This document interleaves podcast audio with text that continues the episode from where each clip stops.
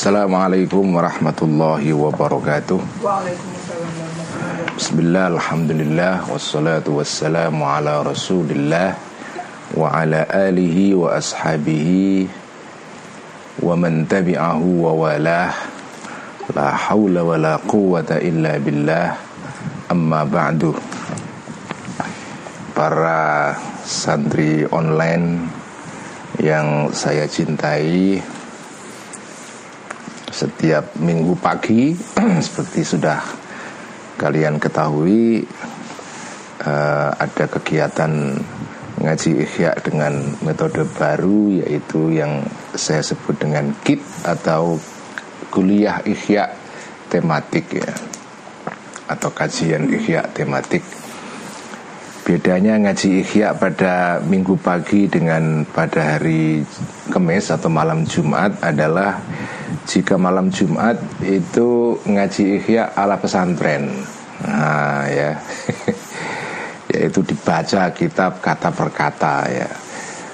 Yang dalam sistem pesantren itu disebut dengan metode bandongan ya. Bandongan itu artinya kiai ngaji baca kitab santrinya mendengarkan ya. Biasanya dalam metode bandung, bandungan itu ya sudah satu arah saja. Kiai kadang-kadang atau seringnya tidak menerima pertanyaan dari para santri ya. Nah kalau ngaji Ihya minggu pagi ini itu sistem kuliahan anak kampus ya. Jadi saya tidak membaca Ihya kitab Ihya kata per kata melainkan saya jelaskan inti pokoknya ya. Karena itu ngaji Ihya minggu pagi ini akan lebih cepat pergerakannya karena tidak membaca kitab kata per kata ya paragraf per paragraf dimaknai seperti dalam metode uh, ngaji bandungan pada malam Jumat ya. Jadi pada minggu pagi ini kita lebih menggunakan metode tematik ya setiap minggu pagi jam 6 sampai jam 7 sebelum kita olahraga kita ngaji atau kuliah ihya tematik ya. Kenapa saya sebut tematik? Karena memang yang dibahas itu temanya ya. Nah tema ihya yang dibahas kali ini adalah tema ini masih dalam beberapa pertemuan mendatang tema tentang ilmu ya karena kitab ihya seperti saya jelaskan ya itu kitab yang di dalamnya banyak kitab ya. kitab Ihya dibagi empat jilid ya. Di dalam masing-masing jilid itu ada 10 kitab-kitab kecil ya. Karena itu totalnya ada 40 ya. Ihya itu negara di dalamnya ada banyak negara-negara bagian. Ada 40 negara bagian ya. Nah negara bagian pertama atau kitab yang pertama dalam kitab Ihya adalah kitabul ilm ya jadi karena itu pertemuan Ihya dalam kuliah Ihya tematik selama beberapa eh, kita kita sudah pertemuan ketiga ini ya Mbak ya. Admin ya. ya. Ini pertemuan ketiga, ini kita masih membahas soal ilmu ya. Nah, ada banyak disertasi dan buku yang ditulis mengenai kitab Ihya yang pertama ini tentang bagaimana Imam Ghazali itu mengkonseptualisasikan tentang pengetahuan karena unik sekali. Tentu saja banyak ulama yang berbicara mengenai ilmu karena pembahasan mengenai ilmu itu salah satu favoritnya para ulama ya. Favorit sekali itu. Pokoknya ulama itu pada zaman dulu kalau disuruh bicara mengenai ilmu itu berapi-api itu. Karena begitu besarnya perhatian yang diberikan oleh Al-Quran, Al-Hadis, As-Sunnah, para as-salafus ya terhadap ilmu itu ya. itu besar sekali dan Islam itu adalah dinul ilm agama pengetahuan dan karena agama pengetahuan ya tentu saja peran akal di dalamnya sangat penting karena ilmu tidak bisa jalan tanpa akal, tanpa nalar, tanpa rasio ya. Karena itu peran rasio, peran akal dan nalar di dalam Islam ya dan juga kemuliaan yang diberikan Islam kepada akal ya itu juga besar sekali ya. besar sekali itu jadi uh, tidak bisa ya Islam dijalankan sebagai agama tanpa ilmu dan tanpa akal itu. Nah kita sudah mulai pembahasan mengenai ilmu ini ya Kemarin-kemarin kita sudah membahas mengenai soal apa peta ilmu Kemudian apa uh, pembagian-pembagian ilmunya. Sekarang pagi ini tema kita adalah tentang fadilatul ilm wa ta'allum wa ta'lim. Jadi tentang uh, keunggulan ya. Kaonjonane ngilmu ya kaonjonan itu kemuliaan ya. Eh, kata fadilah kata fadilah yang artinya keunggulan atau kemuliaan di sini menjadi kata kunci ya. Jadi fadilah itu. Nah fadilah di sini ada ada tiga ya. Fadilah atau keunggulan kemuliaan ilmu itu sendiri ya. Kemuliaan memeng, apa belajar ilmu artinya memperoleh ilmu ya. Kemudian fadilah ketika terkait dengan mengajarkan ilmu. Jadi ilmunya sendiri substansinya sendiri itu mulia. Jadi dimulai dari substansinya sendiri ilmu sebagai substansi ya. Sebagai inti itu mulia dan memperoleh ini, memperoleh barang yang mulia ini yaitu dengan cara belajar itu juga mulia. Otomatis ya. Kalau barang itu mulia dengan sendirinya mendapatkan barang itu atau berusaha mendapatkan barang itu juga mulia juga. Dan memberikan barang yang mulia ini yaitu dalam bentuk mengajarkan, menyebarkan, mempublikasi, me menuliskannya dan seterusnya itu juga mulia ya. Jadi mulia di sini kata kuncinya. Nah, saya akan bergerak cepat saja karena nanti ada bagian yang saya akan berikan fokus ya. Sebelum saya teruskan ngaji atau kuliah tematik ihya tematik ini membuka pertanyaan ya. E, nomor nomor untuk bertanya uh, sudah diberikan oleh Mbak Admin ya di kolom chat ya atau di kolom komentar ya. Nah, yang menarik seperti sudah saya terangkan dalam ngaji Ihya Bandongan setiap malam Jumat, Imam Ghazali itu ketika menerangkan sesuatu itu selalu eh, memberikan hujah ya, memberikan dasar. Jadi kenapa sesuatu itu begini? Apa dasarnya? Nah, dasarnya itu tiga dasarnya itu berupa Quran atau empat ya. Quran as-sunnah atau hadis ya. Al-athar yaitu ucapan-ucapan tindakan-tindakan yang diucapkan dilakukan oleh para ulama-ulama generasi awal atau yang disebut dengan kaum salaf ya. Para tabi'un tabi'un tabi'in dan orang-orang yang hidup di abad-abad pertama kedua hijriyah itu ya atau ketiga hijriah. Paling jauh ketiga nggak nyampe ke empat ya. Jadi orang-orang seperti misalnya para sahabat ya para tabiin. Orang-orang seperti misalnya uh, Malik bin Dinar Fudail bin Iyad Sahal Ad-Dustari uh, Imam Al-Junaid Al-Baghdadi Ibrahim bin Adham Ma'ruf Al-Karhi uh, dan seterusnya itu orang-orang yang sering kali dikutip dalam kitab Ihya ya. Jadi uh, itulah cara Al Ghazali menstrukturkan pembahasannya. Jadi beliau ber, mendasarkan ulasannya kepada Quran, hadis, ucapan-ucapan dan tindakan para generasi awal Islam dan keempat adalah berdasarkan hujah akliyah jadi penalaran itu ya penalaran. Nah kalau kita amati ini ya kalau kita amati ini ini menarik.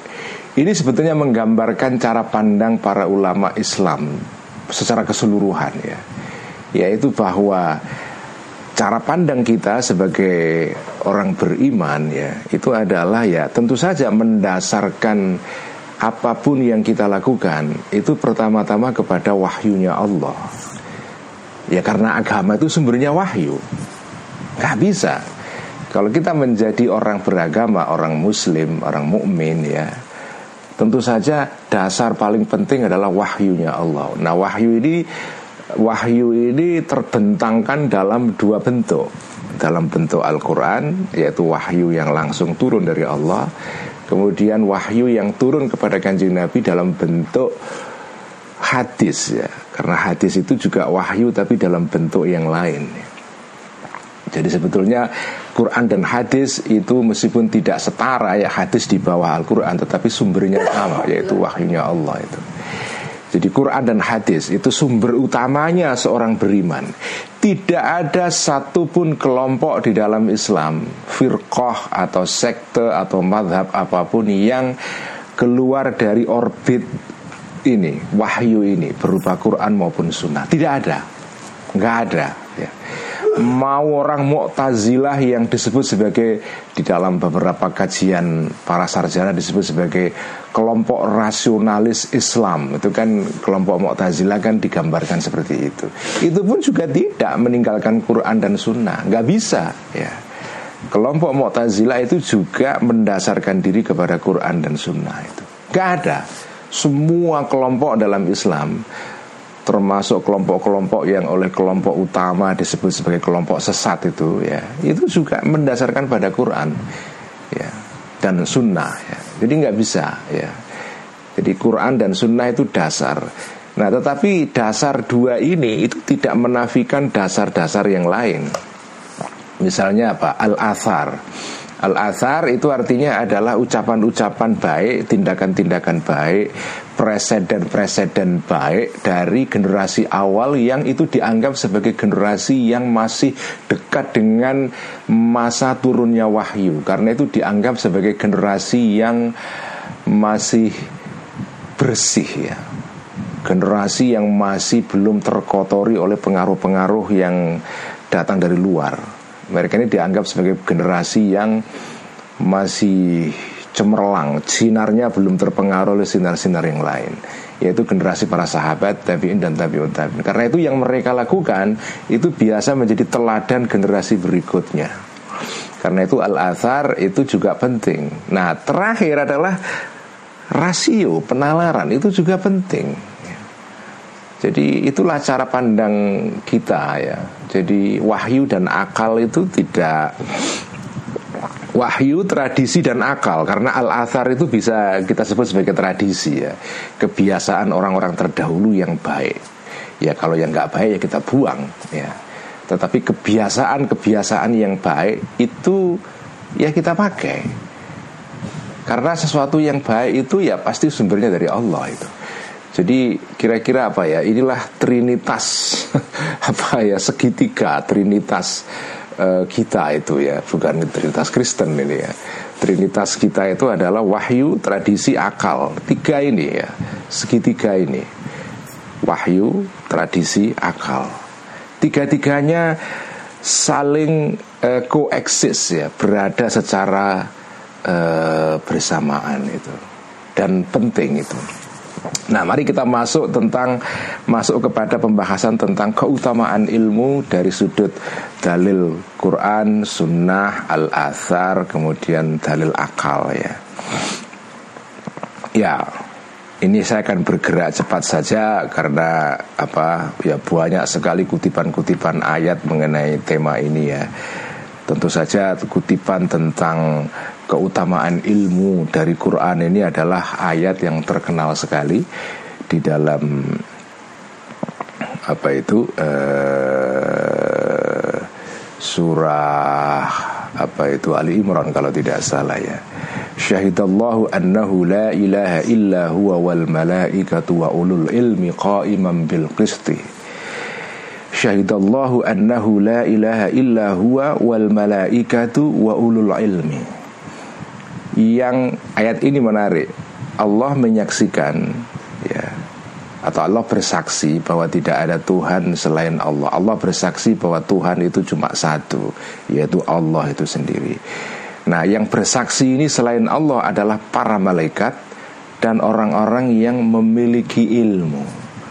Jadi Allah, malaikat dan orang-orang yang memiliki ilmu ini disebut secara bersamaan dalam satu nafas di dalam Quran ini. Syahidallahu annahu la ilaha illallah la ilaha illallahu wal malaikat la ilaha illahu wal malaikatu wa ulul ilm.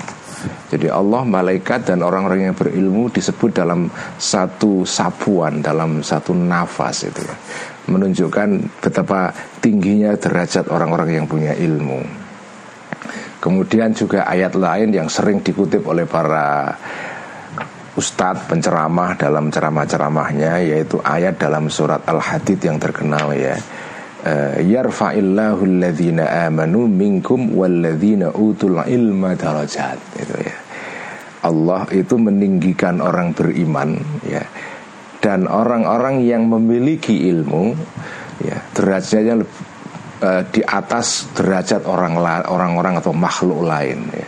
diangkat berderajat-derajat derajat ya. Artinya tinggi sekali derajat mereka ini. Jadi beriman dan berilmu. Eh, lagi-lagi tadi menegaskan cara pandang kita sebagai orang beriman ya. Iman dan ilmu itu koeksis. Ini koeksis ya. Ini berbeda dengan tradisi pencerahan barat ya atau tradisi enlightenment di dalam barat yang sekarang banyak mempengaruhi apa ya ya manusia modern ya. Jadi proyek pencerahan ala Eropa Barat itu kan menabrakkan iman dengan nalar dengan rasio. Itulah salah satu ciri peradaban Barat modern yang berasal dari tradisi pencerahan. Tentu saja, tentu saja sejarahnya rumit ya, saya tidak bisa menerangkan detail. Tapi secara garis besar, eh, peradaban modern yang sumber awalnya itu dari Barat ya, itu sebetulnya eh, berangkat dari apa yang disebut dengan proyek pencerahan ya, proyek pencerahan, masyru'ud tanwir ya masyru'ut tanwir atau proyek pencerahan yang intinya adalah menabrakkan uh, iman dan akal ya. Jadi agama itu bertabrakan dengan ilmu dianggap tentu saja yang dianggap penting adalah akal tapi agama atau iman atau wahyu itu dianggap sebagai sesuatu yang mengganggu perkembangan akal mengganggu perkembangan akal seperti tergambar dalam salah satu apa ya uh, buku terkenal dari salah satu tokoh penting dalam pencerahan Eropa yaitu uh, Baron Dolbach ya. Baron Dolbach. Uh, nama aslinya saya agak lupa ya. Baron Dolbach. Itu salah satu tokoh penting yang rum, karena kaya rumahnya jadi tempat pertemuan para filosof, para intelektual Perancis pada abad 18 ya. Rumahnya menjadi salon istilahnya ya. Salah satu orang yang sering datang ke salonnya Baron Dolbach ini ya antara lain adalah uh, Jean-Jacques Rousseau ya, salah satu pemikir penting dalam sejarah uh, pemikiran Barat, terutama mengenai soal apa itu uh, pemikiran politiknya mengenai kontrak sosial ya. Nah, Baron Dolbach itu nulis buku tentang apa ya uh, mengkritik agama Kristen ya agama Kristen uh, apa Christ, uh, le Christianisme de folie apa mengungkap membongkar ya membongkar skandal agama Kristen sebetulnya bukan hanya agama Kristen semua agama ya Nah dalam bukunya ini dan juga dalam buku-buku dia yang lain Dia itu ya menganggap wahyu, iman, agama ya Itu mengganggu perkembangan akal untuk tumbuh secara sempurna menjadi sesuatu yang Yang bisa merealisasikan segala potensinya ya, Akal itu berkembang normal kalau tidak diganggu oleh agama.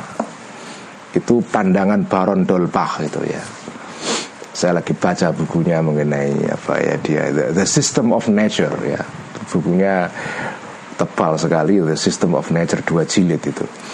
Nah, itu itu salah satu pandangan salah satu pandangan tokoh penting dalam sejarah pencerahan Eropa abad 18 ya. Baron Dolbach ini dia mengatakan bahwa perkembangan akal manusia, nalar manusia itu terganggu kalau ada agama, kalau ada Tuhan, kalau ada wahyu. Karena begitu ada wahyu, wahyu ini akan menundukkan akal. Itu itulah cara pandang proyek pencerahan Eropa yang melahirkan peradaban modern sekarang ini. Nah, kita orang beriman punya pandangan yang berbeda ya. Kita orang beriman punya pandangan yang berbeda. Pandangan kita adalah ala Ghazali, ala Ibnu Rushd ya, ala Ibnu Sina, Al Farabi, semua ulama dan filosof Islam semuanya sepakat ya, ilmu dan akal dan iman itu tidak harus ditabrakkan. Bahkan saling menyempurnakan ya. Di sini Al Ghazali Ibnu Rushd sama pendapatnya.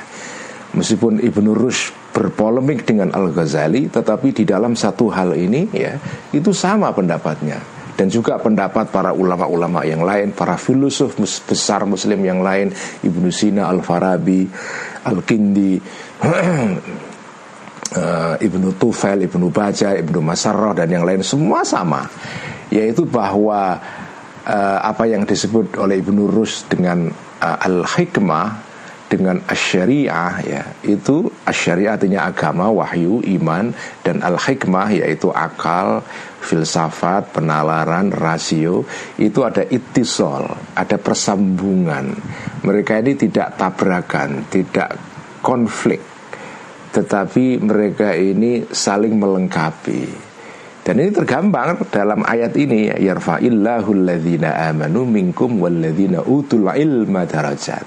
Allah mengangkat derajatnya orang-orang yang uh, beriman dan berakal itu ya.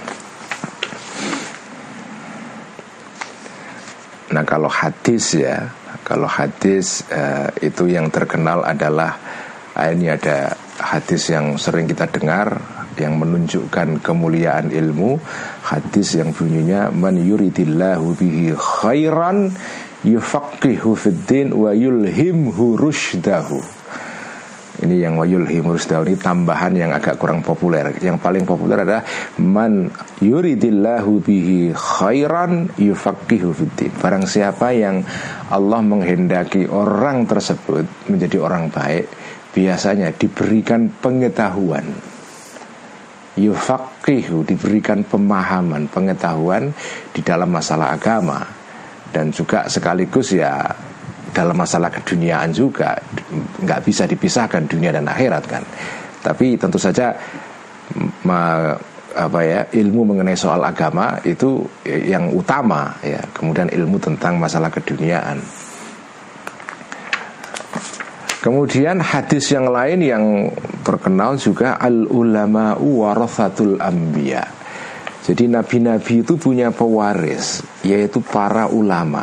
Ulama di sini bukan artinya ulama majelis ulama Indonesia, tapi ulama dalam pengertian ya orang-orang yang punya ilmu ya. Tentu saja terutama adalah para orang-orang yang mengembangkan ilmu-ilmu yang terkait dengan masalah keagamaan tetapi juga tidak mengeluarkan, mengecualikan para ulama yang berkecimpung dalam ilmu-ilmu keduniaan karena dua-duanya penting ya. Mereka-mereka ini disebut oleh hadis ini sebagai pewaris para nabi ya.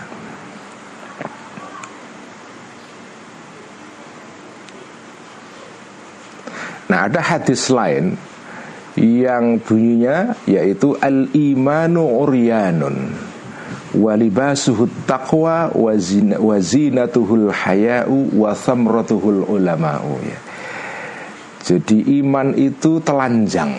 Wah, ini kayak lagunya Ebit GAD ini ya. iman itu adalah telanjang gitu ya. Nah pakaiannya itu berupa takwa ya. Takwa itu adalah sesuatu yang membuat iman itu kelihatan indah ya.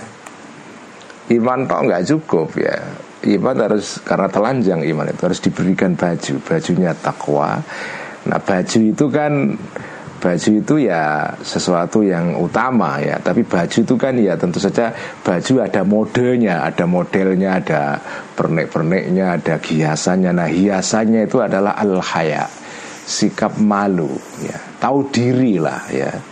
Kalau bahasa Jawa itu ya ngono ya ngono nih ngono. Tahu diri ya. Jadi kan banyak hal-hal itu yang ya tidak ada larangan melakukan, tetapi ya nggak pantas lah dilakukan. Nah, al haya itu artinya adalah orang sadar bahwa tidak segala hal terus diatur. Ya. Orang kalau semua dia karena kalau orang itu bertindak berdasarkan aturan semata itu sebetulnya kesadarannya belum tinggi itu. Karena nggak mungkin semua hal diatur karena banyak sekali di dunia perkara-perkara di dunia ini. Kalau semua diatur kan banyak aturan. Ya. Itu agama Islam itu sebetulnya bukan agama yang suka banyak aturan. Agama Islam itu agama yang cenderung untuk meminimalisir peraturan. Ya nggak terlalu baik nggak terlalu suka itu ya makanya ya uh, dalam Al-Quran dikatakan la tas'alu an asya'a intu bedalakum tasukum kamu itu jangan terlalu banyak tanya ini itu ini itu yang nanti kalau dikasih tahu bagaimana aturannya nanti kamu malah nggak bisa melakukan itu tapi cukup dengan al haya tahu diri oh ini kayaknya pantas ya kalau orang itu ya sudah umur 40 50 ya nggak pantas lah melakukan hal-hal yang dilakukan oleh cah nom-noman itu ya beda lah ya. Ah gitu kan nggak ada aturan melarang kan nggak ada juga ya. Sampai umur 50 itu terus apalah ya berperilaku seperti anak-anak ABG kan ya nggak ada larangan tapi kan nggak pantas saja itu ya. Kan nggak pantas saja itu ya.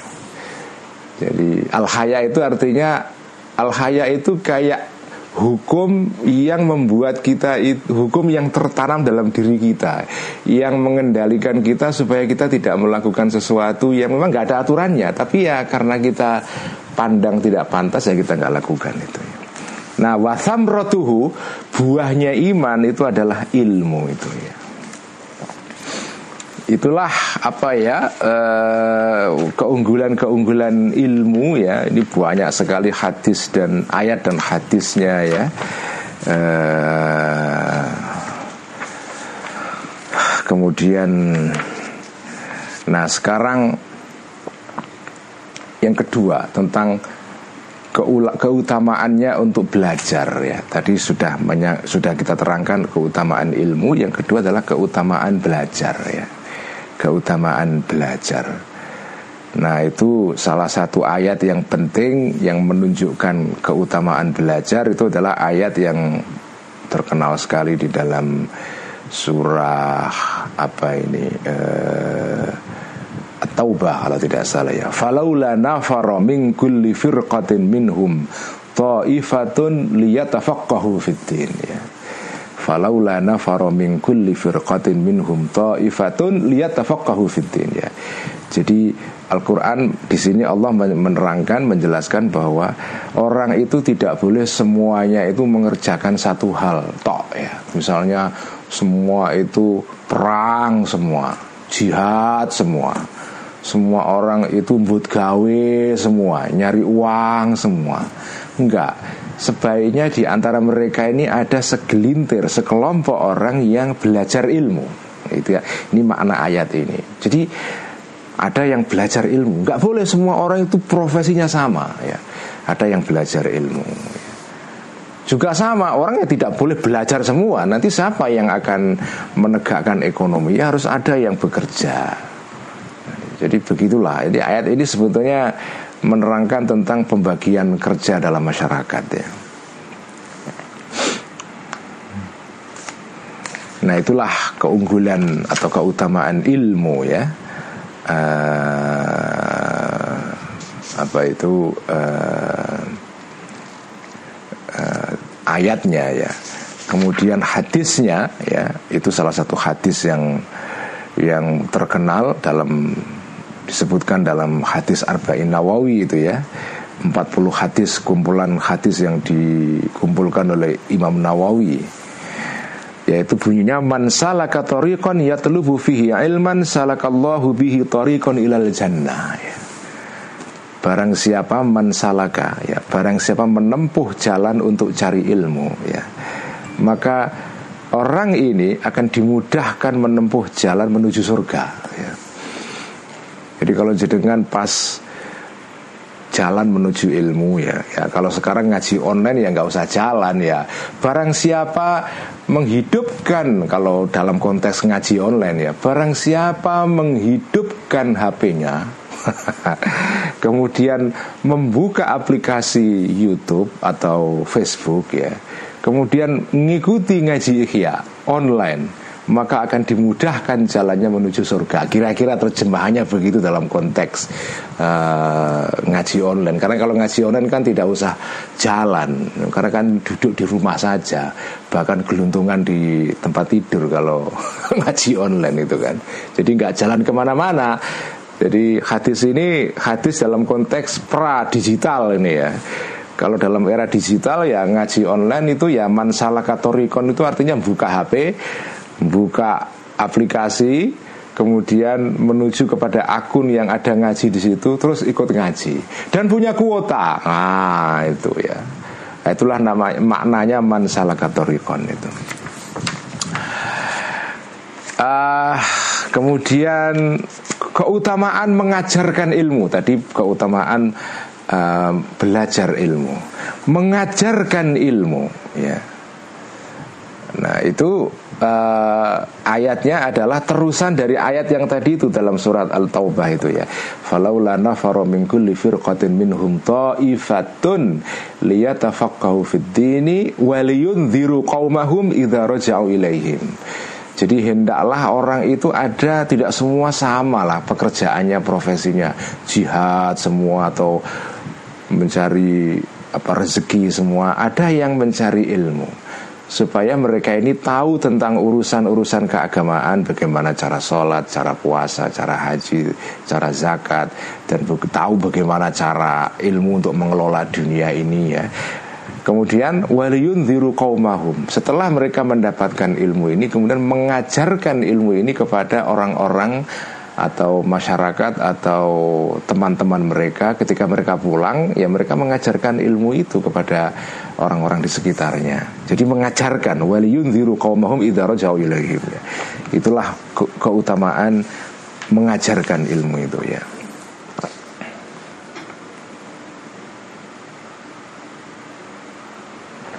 Hadis ya, nah, sekarang hadisnya. Hadisnya hadis yang menerangkan keutamaan mengajarkan ilmu salah satunya banyak sekali hadisnya ya. La an yahdiyallahu bika rajulan wahidan khairun laka minad dunya wa ma ya.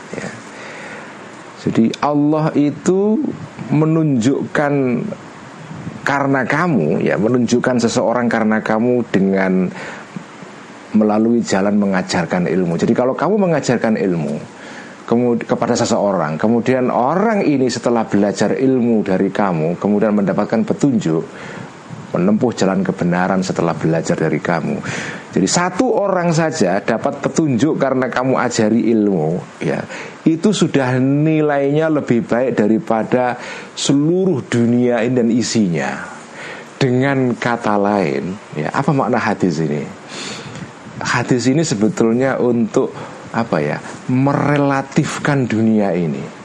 Dunia ini memang menakjubkan isinya dan segala macam ini luar biasa ya. Kekayaan dunia, pangkat, popularitas, semua ini itu luar biasa. Uh, apa ya indahnya itu ya. Tetapi itu semua nilainya nggak apa nggak ada apa-apanya dibandingkan dengan kamu mengajarkan satu pengetahuan, lalu orang gara-gara kamu ajari dapat pengetahuan, dapat petunjuk itu itu nilainya lebih tinggi dari itu semua itu. Jadi ini ini ini bukan berarti oh, dunia tidak penting, bukan dunia itu penting ya. Cuma nilainya itu tidak usah di, terlalu dibesar-besarkan, karena nilainya itu tidak ada apa-apanya dibandingkan misalnya mengajarkan ilmu satu bab saja. Ya. Nah, ini untuk menunjukkan orang untuk memberikan apa lah ya? Untuk bombong bombong atau apa? Menyemangati orang yang mengajarkan ilmu itu ya. Satu orang saja ya. makanya kalau ada yang ngaji online kok yang ikut nggak banyak satu saja nggak apa-apa. Karena satu ini kalau dapat petunjuk gara-gara sampai ngaji online itu itu sudah pekerjaan sampai ini nilainya sudah lebih baik daripada segala isi dunia ini ya. Baik, itu adalah apa ya dalil-dalil mengenai keutamaan ilmu, mengaji ilmu dan mengajarkan ilmu ya. Nah sekarang, nah ini yang menarik selalu bagian yang bagi saya menarik selalu adalah hujah atau dalil akal. Nah, ini Al Ghazali selalu di sini keunggulannya karena Al Ghazali ini adalah ulama yang rasional memang kemampuan akalnya itu luar biasa. Nah, selalu bagian yang menarik dalam kitab Ihya itu adalah dalil aklinya. Kenapa ilmu itu begitu mulia? Dari sudut penalaran itu apa dalilnya itu? Nah, Fisyawahidil akliyah ya. Nah, Al-Ghazali sebelum menerangkan apa keunggulan ilmu dari sudut akal itu Beliau menerangkan dulu konsep fadilah itu. Apa itu yang disebut dengan fadilah itu ya? Apa itu fadilah? Ini kan nah inilah uniknya Al Ghazali itu atau uniknya para orang-orang yang pinter itu ya. Jadi hal-hal yang kecil itu diocei apa diocei itu? Di dikupas. Ya. Diocei beda dengan orang-orang yang nggak pinter itu pokoknya ya nggak segala apa banyak hal yang dilewatkan gitu aja nggak dianalisa. Kalau orang yang pinter itu istilah itu diocei diocei fadilatul ilm apa itu maksudnya fadilah itu apa?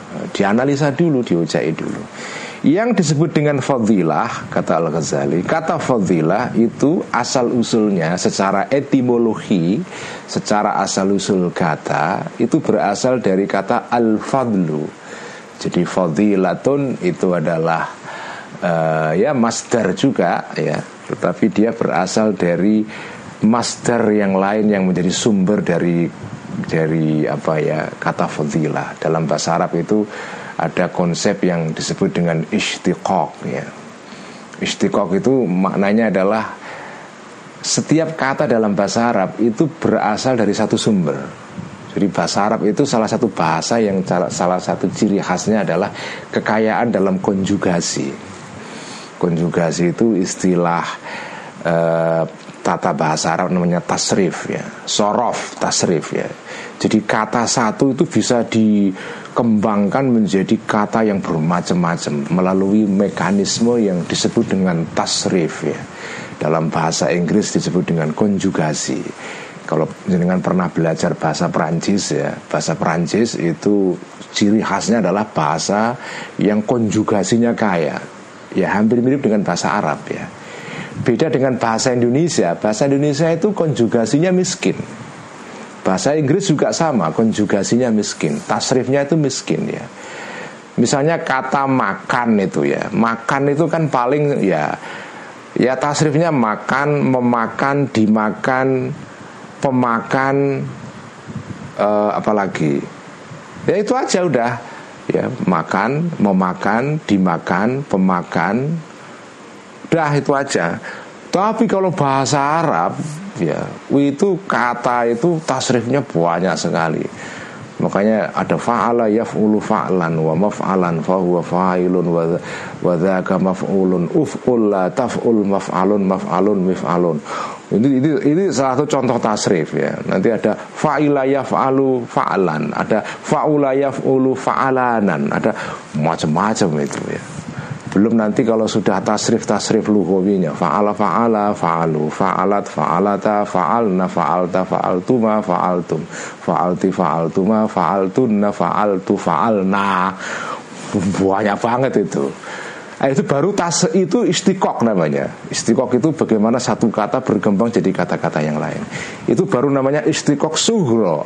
Ya, ada istikok kubro. Oh, itu itu konsep yang dikenalkan oleh seorang ahli tata bahasa namanya Ibnu Jinni ya. Itu istikok kubro. Jadi kata itu ada istikok kecil, ada istikok besar ya. Itu lebih rumit lagi ya kalau dengan baca kamus-kamus bahasa Arab yang besar seperti lisanul Arab itu kelihatan itu istikok kubronya itu. Oh, itulah bahasa Arab itu ya kekayaan konjugasi dan tasrifnya luar biasa makanya orang yang pernah belajar bahasa Arab itu pasti jatuh cinta ya. Karena bahasa ini unik sekali.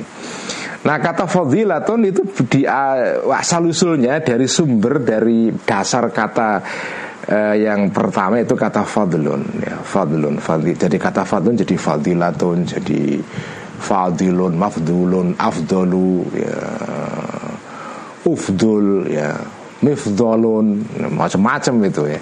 Nah kata fadlun itu artinya adalah maknanya secara lugawi, secara kebahasaan adalah aziyadah ya tambah. Jadi tambah. Jadi ada sesuatu banyak setara ya kemudian ada satu di antara yang banyak ini menonjol ada tambahan itu nah itu namanya fadilah. Jadi fadilah itu artinya ada ada misalnya ada tiga hal yang punya kualitas yang sama tapi satu di antara tiga hal ini kemudian dia istimewa menonjol karena punya sesuatu yang lebih lebih daripada yang lain. Itulah namanya fadilah. Makanya disebut dengan fadilah itu karena ada ziyadah ada tambahan sesuatu yang membuat dia kelihatan menonjol daripada yang lain-lain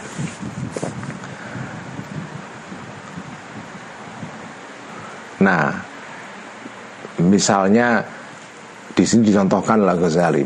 Ada ada dua hewan ya, kuda dan keledai. Ada al-faras, ada al-khimar ya. Ini sama-sama hewan ya, sama-sama hewan al-faras al-khimar itu. Tapi kuda walaupun sama dengan keledai, dia punya sesuatu yang tambah, yang lebih yaitu apa? Dia bisa lari kencang lebih kencang daripada khimar keledai. Nah, karena itu kuda kita katakan dia punya fadilah di atas khimar itu. Itu namanya konsep fadilah itu ya. Nah, diucai ini ya, di, di diurai itu, diucai fadilah itu begitu. Nah, kalau kamu sudah tahu ini ya, sudah tahu ini, maka ya, apa makna ilmu itu punya fadilah ya? Ilmu punya fadilah. Nah, itu artinya adalah ilmu itu punya keunggulan dibandingkan dengan kualitas-kualitas yang lain yang disebut dalam Ihya al-Ausaf ya. Ada banyak kualitas-kualitas dalam diri manusia yang menyangkut kebatinan. Misalnya rasa malu, rasa marah, um, semua itu kan ausaf semua ya. Keberanian, ketakutan, kecemasan, Nah, di antara sifat-sifat batin manusia pengetahuan. Di batin manusia itu di dalamnya ada banyak al-ausaf, sifat-sifat ya. Ada malu, ada dermawan, ada takut, ada cemas, ada marah, ada sabar, ada macam-macam. Nah, salah satu sifat dalam diri manusia adalah pengetahuan. Dia tahu sesuatu. Nah, dibanding semua kualitas-kualitas ini al-ausaf ini, ilmu itu punya keunggulan, punya fadilah. Dalam pengertian apa? Ziyadah, tambahan ya. Itulah konsep fadilah itu artinya itu ya. Nah, sekarang bergerak lebih lanjut. Wih, ini ini kalau baca itu kita pikir ini kerennya di sini. Apa ya? Jadi Al Ghazali itu ketika membahas sesuatu itu dimulai dari dasarnya dulu, terus naik satu jenjang naik terus lagi lagi lagi lagi. Menunjukkan bahwa Al Ghazali ini orang yang tertib berpikir ya. tidak bahas sesuatu itu acak adut gitu ya dari awal akhir terus tengah terus akhir lagi balik ke awal. Nggak begitu. Al Ghazali itu membahas sesuatu itu logis dari awal. Seperti naik tangga itu loh. Tangga pertama kedua ketiga keempat. Karena Al Ghazali ini adalah orang yang disebut dengan logician mantiqion. Orang yang logis itu ya. Dan beliau kan ngarang banyak kitab mantik gitu ya. Dan beliau pecinta ilmu mantik ilmu logika Bahkan beliau pernah mengatakan dalam kitab Mi'yarul Ilm Orang yang tidak belajar ilmu mantik, logika Itu ilmunya nggak bisa dipercaya. Ya. Fala taman, fala yuk Fala yuthaku bi ilmi. Nggak bisa dipercaya itu ya. Nah, Abu Ghazali ini orang yang logis sekali. Nah, Setelah menerangkan apa itu makna fadilah ya. Kemudian Al-Ghazali itu menerangkan ya Kenapa ilmu itu kok punya fadilah? Nah Keterangannya begini Sesuatu yang berharga Nah, ini, ini penjelasan beliau ya. Sesuatu yang berharga yang dihasrati oleh manusia, diingini manusia itu terbagi atas tiga. Ya. Ada sesuatu yang dihasrati, diingini, dicari karena dirinya sendiri. Karena memang ada sesuatu yang mulia pada sesuatu itu ya maka dia dicari dihasrati ya. ada sesuatu yang dicari bukan karena dirinya tapi karena alasan yang lain. Karena alasan yang eksternal. Yang tadi alasan yang internal. Sesuatu dirinya sesuatu sendiri itu layak dicari ya. ada yang sesuatu dicari karena alasan eksternal karena alasan yang lain ada sesuatu yang ketiga ini, sesuatu yang dicari, dihasrati, diingini, disukai karena dua alasan sekaligus, internal dan eksternal.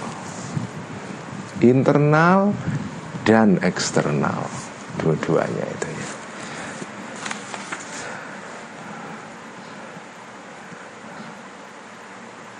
Nah, sesuatu yang dicari karena dirinya sendiri itu apa contohnya? Nah, dicontohkan oleh Al-Ghazali, sesuatu yang dicari karena dirinya sendiri itu seperti misalnya kebahagiaan abadi di akhirat ya.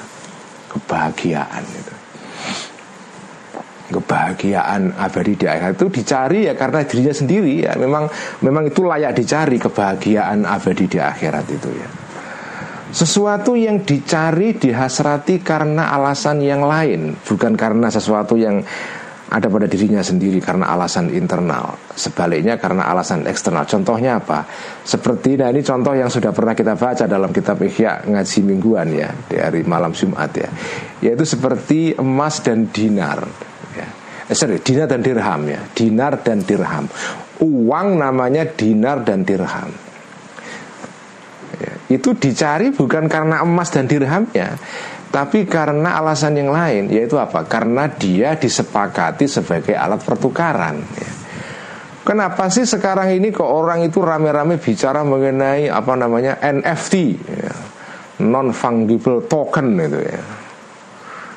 Itu kan apa sih? Apa itu? Sekarang ada orang namanya Al Ghazali tapi bukan Ghazali iya ada Ghazali tapi Ghazali apa namanya? Mbak Admin. Ghazali everyday apa karena foto tiap hari bang. Disebut Ghazali everyday lucu banget. Ada Ghazali everyday ini bukan Ghazali Ihya ya Nah, terkenal gara-gara dia bikin foto tiap hari terus dijual fotonya. Ya fotonya orang bejaji sebetulnya ya. Orang Semarang ini ya. Pak Dimu harus tahu. uh, dijual fotonya, fotonya orang bejaji ya. Tapi dijual kaya raya dia. Jadi miliuner gara-gara foto orang bejaji itu karena ada ada satu alat pertukaran ya atau apalah token ya simbol namanya NFT itu ya simbol yang tidak ada wujudnya non fungible ya. itu dicari ya kalau dia sendiri kan nggak berjanji ya. tapi dicari karena alasan eksternal karena ya orang dapat uang karena itu ya segala macam ya jadi itulah sesuatu yang dicari, dihasrati bukan karena alasan yang internal pada sesuatu itu, melainkan karena alasan yang eksternal. Nah, contoh sesuatu yang dicari karena alasan dua alasan sekaligus, internal dan eksternal, itu adalah seperti apa? Uh, badan kita sehat, ya. badan kita sehat itu orang semua orang kepengen badannya sehat. Itu kan dicari karena dua alasan sekaligus. Badan sehat itu sendiri memang ya layak dicari ya. Dan juga badan sehat dicari dihasrati karena kalau badan kita sehat itu kita bisa mengerjakan hal-hal yang lain. Jadi di sini ada objek sesuatu dicari karena dua alasan sekaligus. Pada dirinya sendiri dicari tapi juga dicari karena ada alasan-alasan yang lain ya jadi kalau badan kita sehat itu ya kita bisa mendapatkan hal-hal yang lain itu. Nah ilmu itu kategori ketiga ini. Ya. Kata Al Ghazali, al ilmu itu itu ya ilmu itu ladzizun fi nafsihi ilmu itu lezat sekali pada dirinya sendiri artinya dirinya sendiri itu memang layak dicari ya karena ilmu itu lezat ya ini ini saya suka istilah al ghazali ini ya ilmu itu ladzizun fi nafsihi ilmu itu lezat dalam dirinya sendiri itu ya karena itu fayakunu matluban lidzatihi. Dia dicari, dia dihasrati oleh semua orang karena alasan ilmunya itu sendiri ya. Karena alasan yang internal itu ya.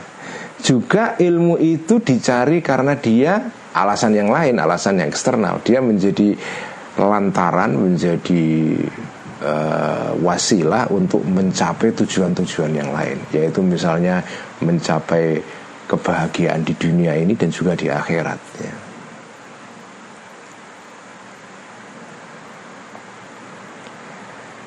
Nah inilah inilah apa ya keterangan Al Ghazali eh, tentang ke, apa ya dalil tentang keunggulan ilmu itu secara rasional ya.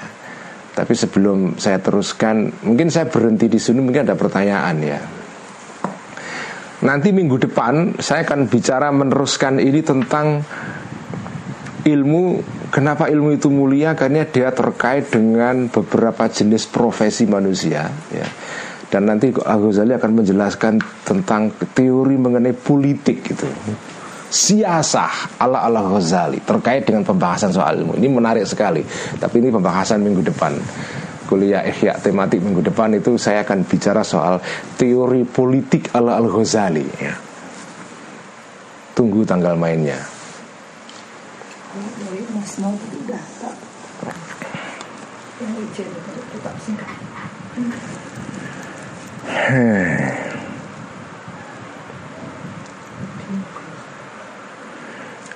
ini Mas Nu ini ya Mas Nugraha ini Apakah perlu kita menghubungkan kemajuan dengan agama?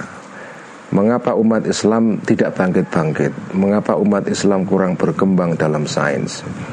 Wah ini pertanyaan yang kompleks ya jawabannya ya. Kenapa umat Islam tidak bangkit-bangkit dalam sains ya? Apakah ini karena alasan keagamaan atau karena alasan alasan yang lain? Ya, sudah pasti alasannya banyak. Tapi salah satu alasan utama yang bagi saya itu menjelaskan ya, itu adalah uh, dua alasan ya.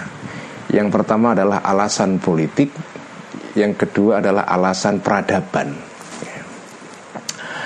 Bangsa itu peradaban ilmunya maju kalau ada sokongan politik yang kuat ya.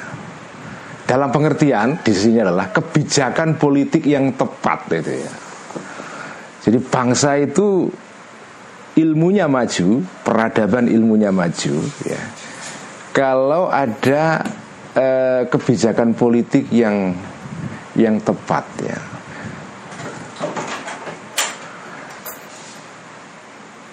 Kalau sebuah negara tidak punya kebijakan politik yang tepat dalam masalah keilmuan, ya ilmunya nggak maju. Karena kebijakan politik ini penting karena itu menentukan budget negara untuk mendukung riset, mendukung pendidikan, mendukung pengetahuan di negara itu itu penting sekali. Karena itu negara-negara yang maju biasanya ditandai dengan kebijakan alokasi budget yang yang cukup signifikan untuk pengembangan riset and development kan.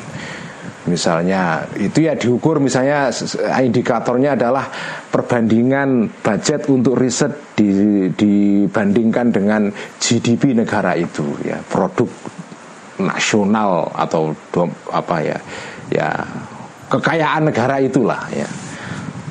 Jadi misalnya Indonesia itu berapa budget risetnya dibandingkan dengan GDP mungkin satu persen atau dua persen saya lupa angkanya ya.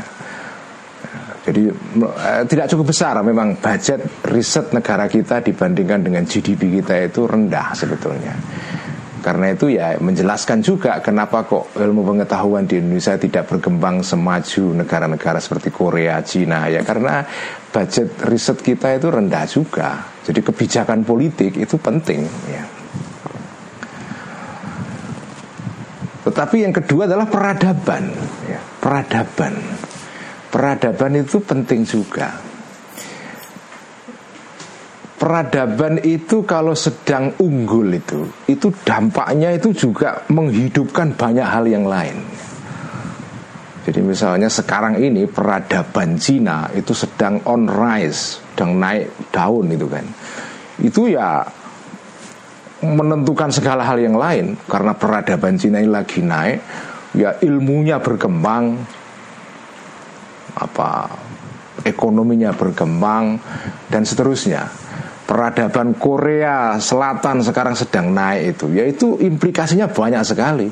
Ilmunya berkembang ekonominya berkembang kebudayaan popnya juga berkembang.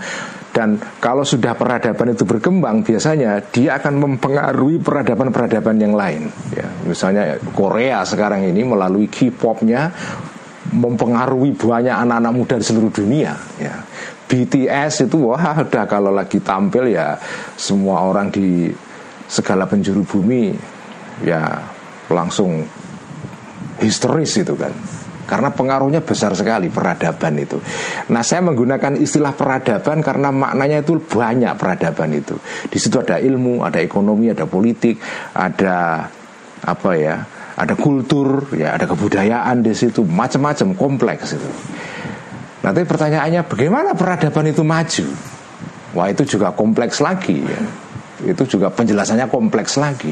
Ada unsur politik juga, ada kultur ilmu, ada tradisi yang berkembang di negara itu, sikap mereka terhadap dunia, terhadap pengetahuan, terhadap ya itu juga penting semua. Ya. Dan dan peradaban itu kalau sudah merosot ya mempengaruhi yang lain ya. Merosot semua itu termasuk olahraganya juga merosot ya. Jadi kalau peradaban itu lagi naik itu kayak apa ya kayak orang kalau lagi mujur itu loh ya. Apa saja dikerjakan tuh jadi itu. Ya ilmunya ya ekonominya olahraganya juga maju. Sampai musiknya juga maju filmnya maju industri kebudayaan popnya juga maju dan kemudian itu juga meninggikan perasaan apa ya percaya diri pada bangsa itu ya. PD-nya naik itu. Ke mana-mana naik. Orang Barat itu ke mana-mana kan gembelengan itu. Karena merasa dirinya peradabannya mengungguli seluruh dunia.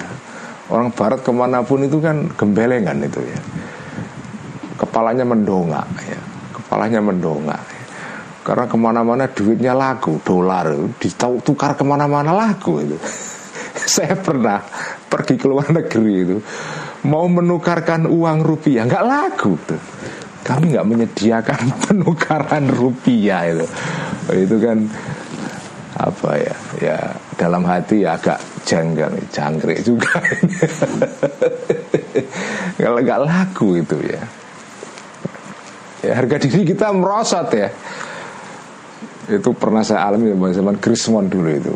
Saya pergi ke mana itu ya? Ke luar negeri rupiah mau saya nggak lupa belum menukarkan dolar ya. Adanya rupiah. Mau menukarkan rupiah ke uang setempat. Nggak bisa ya, karena nilainya rendah sekali. Dan juga mereka nggak menyediakan uang rupiah. Beda dengan dolar atau euro atau yen atau ya itulah negara-negara yang sedang maju sekarang ini itu mata uangnya sampai bawa ke mana pun ditukar lagu itu ya. Nah, itulah kalau peradaban lagi maju itu ya. Jadi faktornya kompleks ya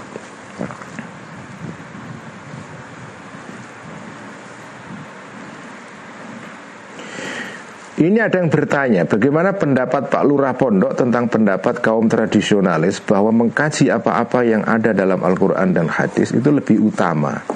Sementara mencari ilmu-ilmu yang lain tidak tercantum di dalamnya tidak penting. Apakah itu sebab kemunduran umat Islam? Salah satunya iya, ya. Salah satunya iya. Kemunduran orang Islam itu antara lain menganggap bahwa yang harus dicari hanya ilmu agama saja dan kemudian pendapat ini dinisbahkan kepada Al Ghazali seolah-olah Al Ghazali itu menganjurkan itu. Itu keliru itu. Jadi ini kekeliruan pandangan umat Islam yang harus dikritik gitu ya. Nggak benar itu. Karena kitab Ihya itu nanti seperti kita baca dalam bagian-bagian berikutnya itu um, konsepnya mengenai pengetahuan itu komprehensif ya. Ya tadilah seperti saya katakan itu cara pandang ulama kita itu adalah iman dan ilmu akal dan wahyu itu dua-duanya koeksis ya. Jadi ilmu yang sumbernya wahyu itu penting ilmu yang sumbernya akal juga penting. Ilmu yang sumbernya dari wahyu itu adalah ilmu-ilmu agama. Ilmu yang sumbernya dari akal itu adalah ulum akliyah ulum syariah itu dasarnya wahyu ulum akliyah dasarnya akal atau apa ya uh, observasi empiris ya itu namanya ilmu ulum akliyah itu. Dua-duanya penting ya. Nah kalau ada orang menganggap yang hanya perlu dicari ilmu agama saja itu keliru. Nah, dan seperti yang sudah saya jelaskan pada pertemuan yang lalu atau kuliah ikhya tematik minggu yang lalu atau sebelumnya, salah satu kemunduran Islam ini juga selain karena pandangan yang keliru pada sebagian umat Islam yang keliru mengenai ilmu ya. Juga ada alasan-alasan yang jauh yang sifatnya itu struktural ya. Artinya menyangkut struktur dalam masyarakat ya. Contoh yang saya kemukakan kemarin adalah ini contoh yang paling baik dari komunitas saya NU ya. Kenapa santri-santri NU itu kok kok tidak banyak yang belajar sains ya? Kenapa kok belajarnya itu di pondok pesantren dan IAIN itu? Kenapa kok tidak banyak ataupun ada tapi tidak banyak yang belajar di UI, di UGM, di ITB dan segala macam yaitu faktornya tidak sekedar karena orang-orang NU itu menganggap belajar di UI itu lebih rendah nilainya dibanding belajar di pondok pesantren enggak ya tapi karena alasan struktural karena pertama kemiskinan. Ya kalau kamu nggak punya uang gimana mau kuliah di UI mampunya hanya ngirim anaknya ke pondok pesantren. Ya sudah ke pondok pesantren. Yang penting kan belajar itu ya. Tapi begitu kalangan muslim ini naik level ekonominya ya mulai mereka ini mengirim anak-anaknya ke perguruan tinggi modern banyak ya. Sekarang sudah mulai banyak anak-anak NU yang belajar di ITB bahkan sekarang sudah mulai ada namanya apa KMNU ya keluarga mahasiswa Nahdlatul Ulama di ITB ada sekarang ya. Salah satu tokohnya itu Ki Hobir Mas Hobir itu. Eh, menantunya Kiai Ilyas Ruhiat Cipasung ya Kiai Hobir asalnya Tulungagung. Itu suaminya ibu Nyai Ida ya putrinya Kiai Ilyas itu lulusan ITB ya sekarang menjadi rektor atau ketua sekolah tinggi apa ya teknik ya, di apa Cipasung ya. Nah sekarang sudah mulai banyak ya. Anak-anak anak-anak santri yang belajar di perguruan tinggi umum dan belajar sains ya yang kedua alasannya kenapa kok nggak banyak yang belajar di perguruan tinggi itu? Karena karena aturan. Selama 32 tahun di era Orde Baru itu ijazahnya orang-orang yang sekolah madrasah itu nggak diakui oleh negara. Atau nggak bisa dipakai untuk ngelamar ke UI ITB itu nggak bisa. Bisanya hanya ke IAIN saja. Dan itu jutaan santri yang jadi korban dari aturan ini itu Jadi kalau tidak lulusan SMA itu nggak bisa sekolah di UITB itu dulu ya. Nah sementara untuk sekolah SMP dan SMA karena ketika itu kan dulu ya belajar pendidikan gratis itu kan hanya SD, SMP, SMA dulu di era-era tahun 80-an itu kan belum ada itu. Ya, karena wajib belajar universal itu kan baru muncul di era Orde Baru belakangan ya. Jadi ya banyak anak-anak tradisional atau kalangan santri yang ya terhambat tidak bisa belajar di SMP SMA ya karena alasan biaya juga. Dan karena mereka hanya bisa sekolah di madrasah ya kemudian ijazahnya nggak diakui nggak bisa belajar atau bela daftar di ITB atau UI segala macam. Tapi sekarang kan sejak reformasi berubah aturannya Karena itu sekarang sudah mulai banyak anak-anak santri yang belajar di sekolah-sekolah bergengsi seperti ITB itu. Jadi aturan ini juga menentukan itu ya. Jadi uh, ya sekarang ini kita berharap mulai muncul banyak saintis-saintis dari kalangan santri, dari kalangan pesantren dan harapan saya sih begini ya. Ini kan juga di Indonesia ini ada problem ya. Uh, problem itu terkait dengan uh, fakta bahwa orang-orang yang belajar sains di perguruan tinggi umum itu sebagian tidak semua kok malah justru menunjukkan kecenderungan pemahaman keagamaan yang eksklusif yang tertutup, yang kurang terbuka. Jadi belajar sains bagus, tapi kok justru sebagian para orang-orang yang belajar sains atau kedokteran misalnya ya itu kan sebagian itu menampakkan pemahaman keagamaan yang tertutup malah itu. Ini kan agak aneh ini. Nah, saya berharap ya dengan banyaknya kalangan santri yang punya pendidikan keagamaan yang solid dalam ilmu-ilmu keislaman tradisional ketika mereka masuk ke dalam bidang sains itu mereka tidak terjatuh kepada ini masalah ini yaitu apa kecenderungan keberagamaan yang tertutup itu ya. Jadi makanya masuknya kalangan santri kepada sektor sains itu menjadi penting sekarang. Sekarang udah banyak ya teman-teman santri yang jadi saintis ya, yang belajar di Jepang, sekarang di Cina, di ada Gus dari Jember yang belajar di Jerman apa ya belajar sains apa sibernetika atau apa. Udah banyak sekarang ya udah banyak. Tetapi tetap pertanyaan besarnya adalah banyaknya orang yang belajar sains ini juga pertanyaan besarnya adalah apakah cukup mencapai titik kritikal tertentu sehingga membuat budaya sains di Indonesia ini berkembang pesat itu.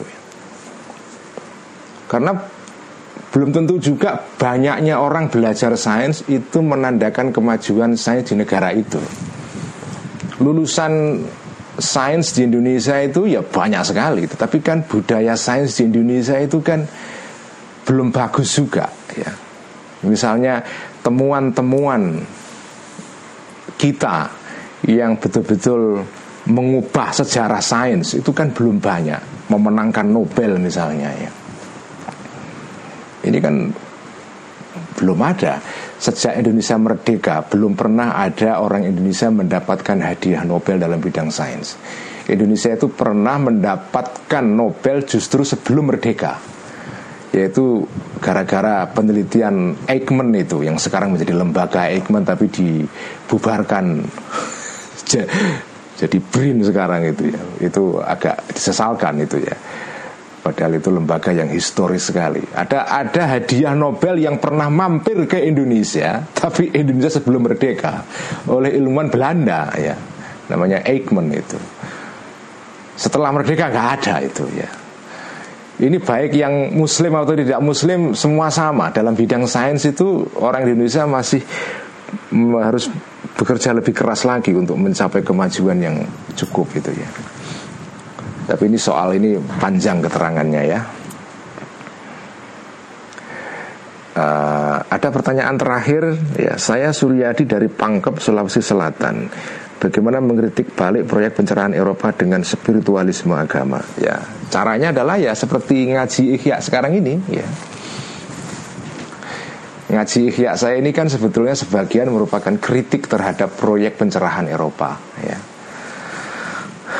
ya memang salah satu tujuan saya itu ya. Saya tidak mengatakan bahwa proyek pencerahan Eropa itu tidak penting. Banyak hal-hal yang membawa manfaat dari proyek pencerahan Eropa berupa peradaban modern ini. Kita mendapatkan berkahnya banyak sekali. Banyak sekali ya, banyak sekali. Demokrasi yang kita kenal sekarang ini itu bagian dari buah proyek pencerahan Eropa ya. Yang ya demokrasi yang kita pakai di termasuk di Indonesia ini ini semua merupakan bagian dari buah proyek pencerahan Eropa. Buah dari proyek pencerahan Eropa ya. peradaban berupa teknologi, sains dan teknologi yang sekarang ini itu juga buah dari pencerahan Eropa. Ya. Kita nggak mengingkari fakta itu. Kita ambil yang manfaat ini kita ambil semua. Tetapi kita punya pandangan dunia yang beda ya. Jadi kita ngambil manfaatnya tapi tidak kemudian semuanya kita ambil.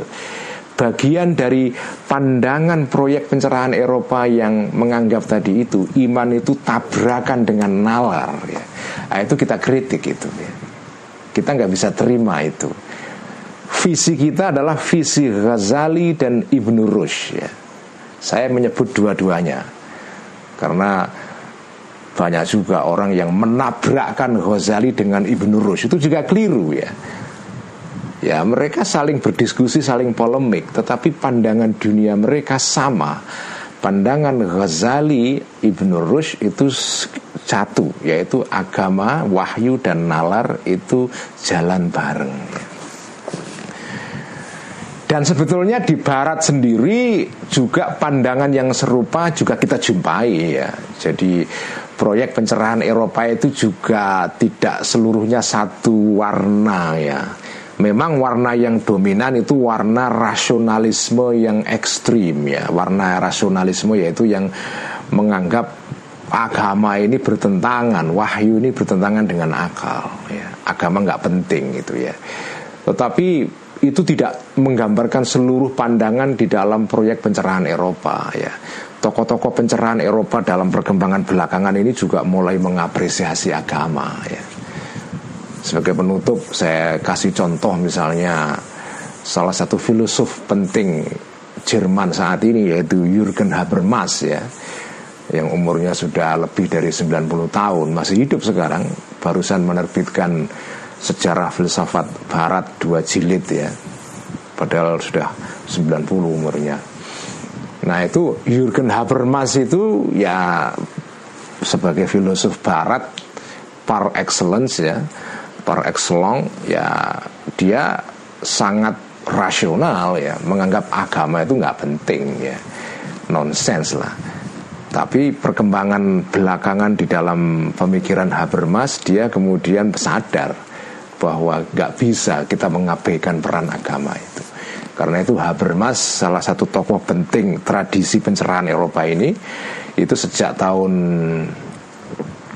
ya 90-an akhir ya, tahun 2000-an itu sudah mulai membuka kemungkinan untuk berdialog dengan agama. Jadi modernitas sebagai kelanjutan dari proyek pencerahan Eropa itu harus berdialog dengan agama. Dan salah satu perubahan cara pandang Habermas ini ditandai dengan buku yang memuat wawancara dia, dialog dia dengan uh, Ratzinger ya, yang dulu pernah menjadi paus sebelum paus Francis sekarang ini tapi mundur ya. Seorang teolog besar Jerman yang penting Ratzinger itu sama-sama orang Jerman sama dengan Habermas ya. Ratzinger berdialog dengan atau Habermas mengajak dialog dengan Ratzinger ya dan kemudian jadi buku itu. Nah di situ kelihatan sekali pandangan Habermas sudah mulai berubah itu ya. Dan sekarang banyak para filosof-filosof dan apa ya pemikir-pemikir Eropa ya salah satunya yang terkenal ya Charles Taylor yang nulis buku The Secular Age ya itu ya sudah mulai apa ya mengembangkan cara pandang yang membuka pintu untuk agama, untuk wahyu, untuk iman itu ya. Nggak bisa memang, nggak bisa. Jadi memang proyek pencerahan Eropa itu dimulai dengan kebencian kepada iman dan agama. Kemudian pelan-pelan mengalami evolusi dan sekarang mulai membuka diri dialog dengan agama. Sains pun sekarang juga begitu ya. Apalagi dengan berkembangnya apa yang disebut dengan fisika kuantum itu ya, bukan fisika tradisional, fisika Newtonian, tapi fisika kuantum itu itu mulai dengan adanya fisika kuantum dialog dengan tasawuf dengan mistik dengan sufisme itu mulai muncul itu. Ya. jadi sekarang ini sebetulnya peradaban ilmu dunia bergerak ke arah visi Ghazali sebetulnya. In a sense ya.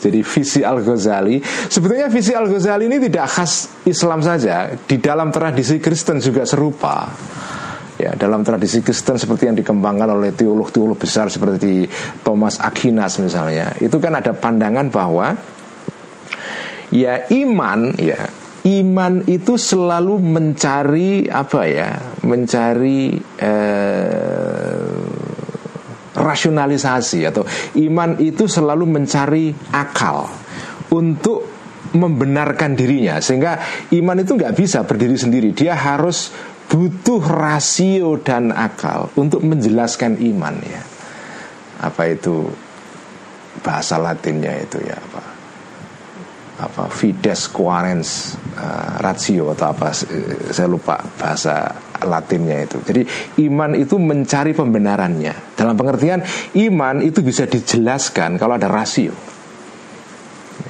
Jadi akal penalaran itu penting di dalam di dalam beriman itu ya. Ini visi visi agama-agama secara umum sebetulnya. Islam, Kristen, Yahudi juga sama. Kalau jenengan baca filosof Yahudi Maimonides yang bukunya ada di belakang saya ini di atas sana adalah Dalalatul Khairin ya itu kitabnya seorang filosof Yahudi Musa bin Maimun atau terkenal dengan Maimonides ya. Itu juga sama. Pandangannya begitu kayak Ghazali. Iman dan agama itu saling mendukung itu Nah sekarang peradaban baru di barat itu juga mengarah ke sana. Meskipun sekarang juga ada para saintis-saintis yang menjadi apa ya favoritnya para kaum new atheist ya Richard Dawkins dan kawan-kawan yang kembali menyuarakan model pencerahan Eropa awal yang membenturkan iman dengan akal ini ada juga ya yaitu Richard Dawkins, Sam Harris dan yang lain-lain itu ya. Nah, ya itu ada juga ya. Tapi saya merasa suara Richard Dawkins itu bukan suara yang dominan di barat. Suara yang dominan sekarang ini justru suara yang apa ya?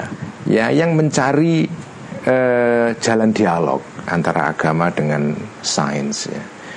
Bareng itu ya jalan dialog ini jalan yang paling banyak ditempuh sekarang. Tidak menabrakkan ini ya. Sekian kuliah ihya tematik hari ini minggu pagi ini. Semoga bermanfaat ya. Saya yakin visi Ghazali ini visi yang visi Ghazali Ghazalian Rusdian ya.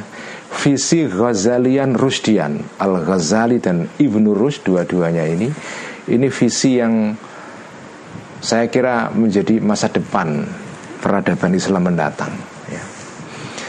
Sekian, semoga bermanfaat. Wassalamualaikum warahmatullahi wabarakatuh. Waalaikumsalam warahmatullahi wabarakatuh.